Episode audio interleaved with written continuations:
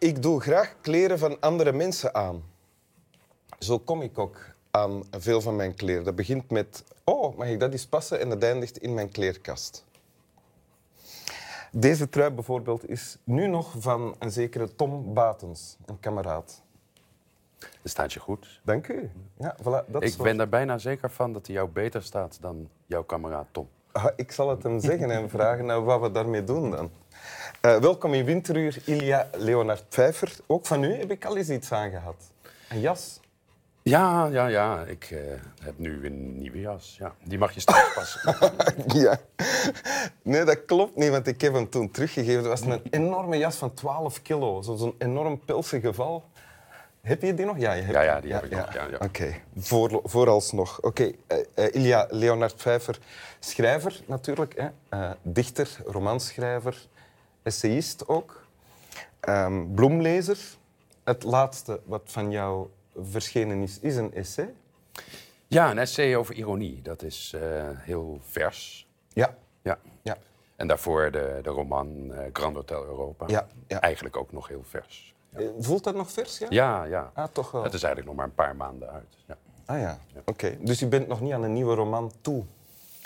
In mijn hoofd eh, af en toe een beetje. Maar dat gaat nog wel even duren voordat dat ook op papier eh, vorm gaat krijgen. we zitten nu in een soort incubatieperiode eigenlijk.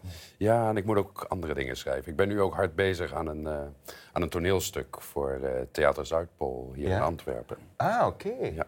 En hoe gaat dat heten? Is dat al een titel? Dat heeft een titel en dat gaat heten De Aanzegster.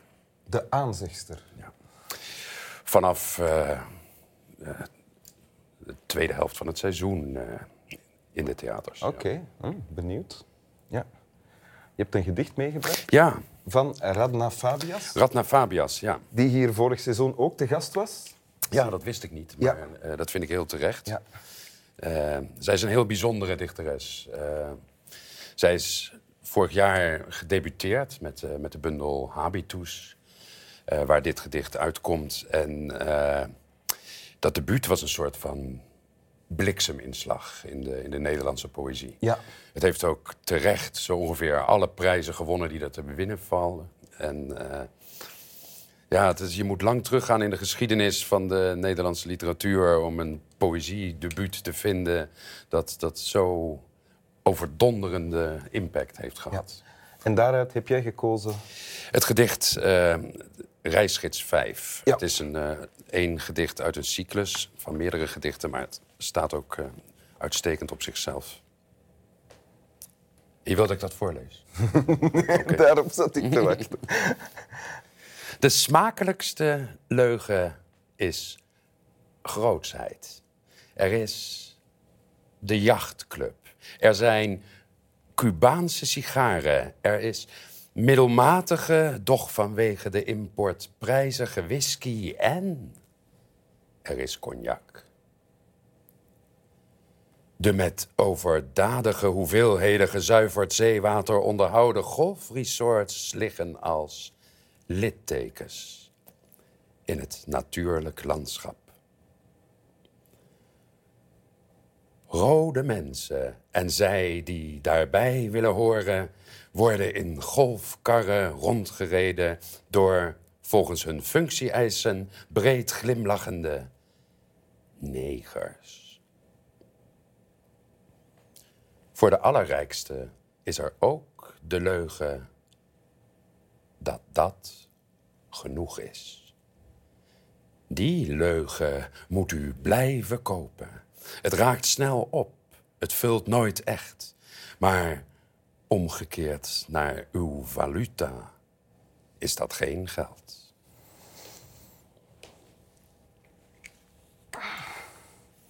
Een wrange grap. Zo eh, voelt dit gedicht. Ja, ik weet niet of ik het een grap zou noemen. Het is een wrang gedicht. Het is een gedicht dat wel echt ergens over gaat. Dat ik, dat ik het grap noem, ligt aan de titel ook. Omdat het heet Reisgids. Ja, ja, ja. ja. Ja, het is misschien ook wel eh, in zekere zin een ironisch gedicht, maar het gaat over, een heel, heel, heel- over heel ernstige zaken natuurlijk. Ja? Eh, we zouden ons kunnen voorstellen dat het gedicht zich afspeelt op een plek als eh Curaçao. Curaçao, waar Radna van Ja. eh, afkomstig is. Ja. Ja? ik noem die plek inderdaad vanwe- de- vanwege dat feit. Maar dat hoeft niet eens precies. Je zou dat soort plekken natuurlijk ook elders op de wereld kunnen vinden. Ja. En het is een gedicht dat eigenlijk gaat over, eh, over ongelijkheid, over hypocrisie. Maar het is ook meer dan dat. Het is, het is een gedicht dat eh, kenmerkend is voor die hele bundel eigenlijk. Het, het gaat over eh, actuele misstanden, over de wereld van nu.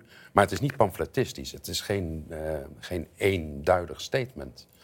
Want aan het einde van dit gedicht heeft de dichteres eigenlijk ook bijna medelijden met de rijke mensen. Of mededogen in alle geval. Ja, Het, is, het is gewoon een. Zij ontmaskert de, eh, de hypocrisie van de hele situatie. Ja. En ook de, eh, het, eigenlijk het onbehagen van de rijken in deze situatie. ja. Zullen we eens eh, er doorheen gaan, door het gedicht? Eerst, het begint met de smakelijkste leugen is grootsheid. Ja, het is natuurlijk smakelijk. Omdat de voorbeelden die daarna komen zijn voorbeelden die gaan. eh, voorbeelden van eh, dingen die de zintuigen prikkelen. Zoals de whisky, de cognac en de sigaren. Ja. ja. En bovendien is smakelijk misschien ook iets dat verwijst naar die reisgids. Iets wordt aangeprezen als smakelijk. Ja, ja, ja, dat is misschien de terminologie van de reisgids. Ja. Ja. Alleen normaal gesproken worden daar natuurlijk geen leugens aangebracht. Maar hier wel, ja. Of het wordt toch zo niet genoemd in alle Nee. geval. Ja. En eh, dat het grootsheid is, dat, dat is een woord dat je niet zou verwachten, hè? grootsheid. Maar het, het is ook geen grootsheid, maar dat is ook precies de leugen. De grootsheid is eh, het idee om het ware leven te leiden, om het eh, onder controle te hebben, om een vorm van stabiliteit te hebben gerealiseerd in je eigen leven. en dat is de smakelijkste leugen, ja. Oké. En die grootsheid, daar hoort een beeld bij, een beeld van wa- waarnaar gestreefd wordt door sommigen en waar anderen in zitten. Een beeld van de jachtclub, de golfresort Ja. komen ook, Cubaanse sigaren en whisky die duur is, maar waarvan de gebruiker niet echt eh, weet of die goed is of niet. Het is zelfs middelmatige whisky, maar dat is kennelijk niet eens het belangrijkste. Het belangrijkste is dat die dankzij de import toch wel heel duur is. Ja. En dat is de leugen van de grootsheid. Ja. Ja. En rode een beetje verder in het gedicht zijn er rode mensen die daarbij willen horen. ja. Rode mensen zijn dat.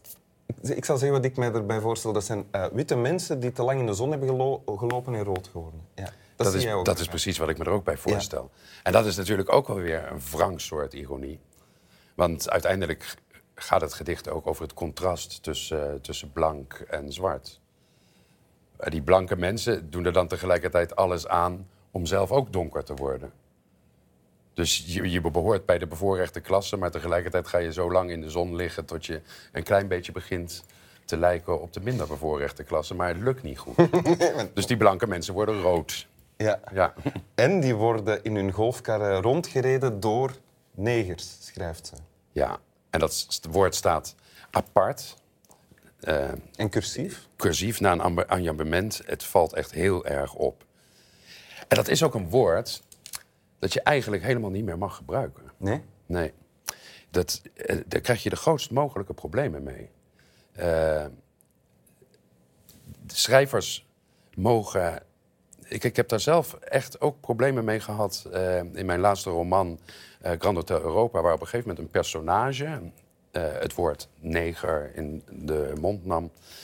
En er werd mij van alle kanten afgeraden om dat woord niet te gebruiken, omdat dat kwetsend kan worden ervaren. Ik heb daar ook alle begrip voor. Ik denk dat je dat woord, als je het gebruikt, zeker niet onnadenkend moet gebruiken. Maar hier in dit gedicht is het juist ook omdat het. eh, we weten dat het geschreven is door een donkere vrouw, dit gedicht. En als zij dit gedicht, dit woord, zo prominent gebruikt en het dan ook nog eens een keer cursief zet. eh, dan kunnen we in ieder geval aannemen dat er aan die voorwaarden is voldaan. Dat zij er wel degelijk over heeft nagedacht gedacht dat zij dit woord gebruikt. Maar het werkt ook, want het is echt shocking om dat te zien. Ja. Als je die golfkarren ziet en de volgens hun functie eisen breed glimlachende. En dan komt dat woord echt hard aan. Ja. ja. Heb jij voor dit gedicht gekozen, eh, eh, voor Winteruur nu, omwille van, voor, voornamelijk omwille van de- het inhoudelijke van het gedicht of omwille van de kracht van eh, het gedicht zelf, de tekst? Beide. En eigenlijk vooral ook om de combinatie van die twee dingen. Ja. Ehm, het is ook eh, toevallig, omdat ik nu net een essay heb geschreven over ironie, dat ik ben gaan nadenken over dit soort dingen. Dit is een gedicht dat weliswaar ironie gebruikt, maar het gaat toch. Het is eigenlijk een heel ernstig gedicht. Heel ernstig, ja. Er zit Ja. een heel Ja. ja, leeg, eenzaam, wrang gevoel onder. ja. Ja. Ja, en dat wordt in de slotstrofe ook benoemd. En eh, dat lege gevoel wordt gelokaliseerd precies waar je dat niet zou verwachten. Namelijk in die mensen die het zo goed lijken te hebben. Ja. Ja. En ik ervaar het ook, ik weet niet of dat bij jou zo is, als onheilspellend. Het is nog maar wachten tot die, die zeebel barst. Ja, dat is Dat logisch. staat er niet, maar zo voel ik het. Dat staat er niet, maar dit is natuurlijk dit is geen natuurlijke situatie die hier beschreven wordt. Dit is geen natuurlijk evenwicht. Nee. Dit kan niet lang goed gaan. Nee, dat ben ik helemaal met je eens. Ja. Ja. Maar vooralsnog roken wij nog af en toe lekker een sigaar. Hè? Je maar we, drinken iets betere whisky. in Dit gedicht. De smakelijkste leugen is grootsheid. Er is de jachtclub. Er zijn Cubaanse sigaren. Er is middelmatige, doch vanwege de import prijzige whisky. En er is cognac. De met overdadige hoeveelheden gezuiverd zeewater onderhouden golfresorts liggen als littekens in het natuurlijk landschap. Rode mensen en zij die daarbij willen horen, worden in golfkarren rondgereden door volgens hun functie-eisen breed glimlachende negers. Voor de allerrijkste is er ook de leugen dat dat genoeg is. Die leugen moet u blijven kopen. Het raakt snel op, het vult nooit echt, maar omgekeerd naar uw valuta is dat geen geld. Dank u wel, Ilia Leonard Vijver. Slaap wel.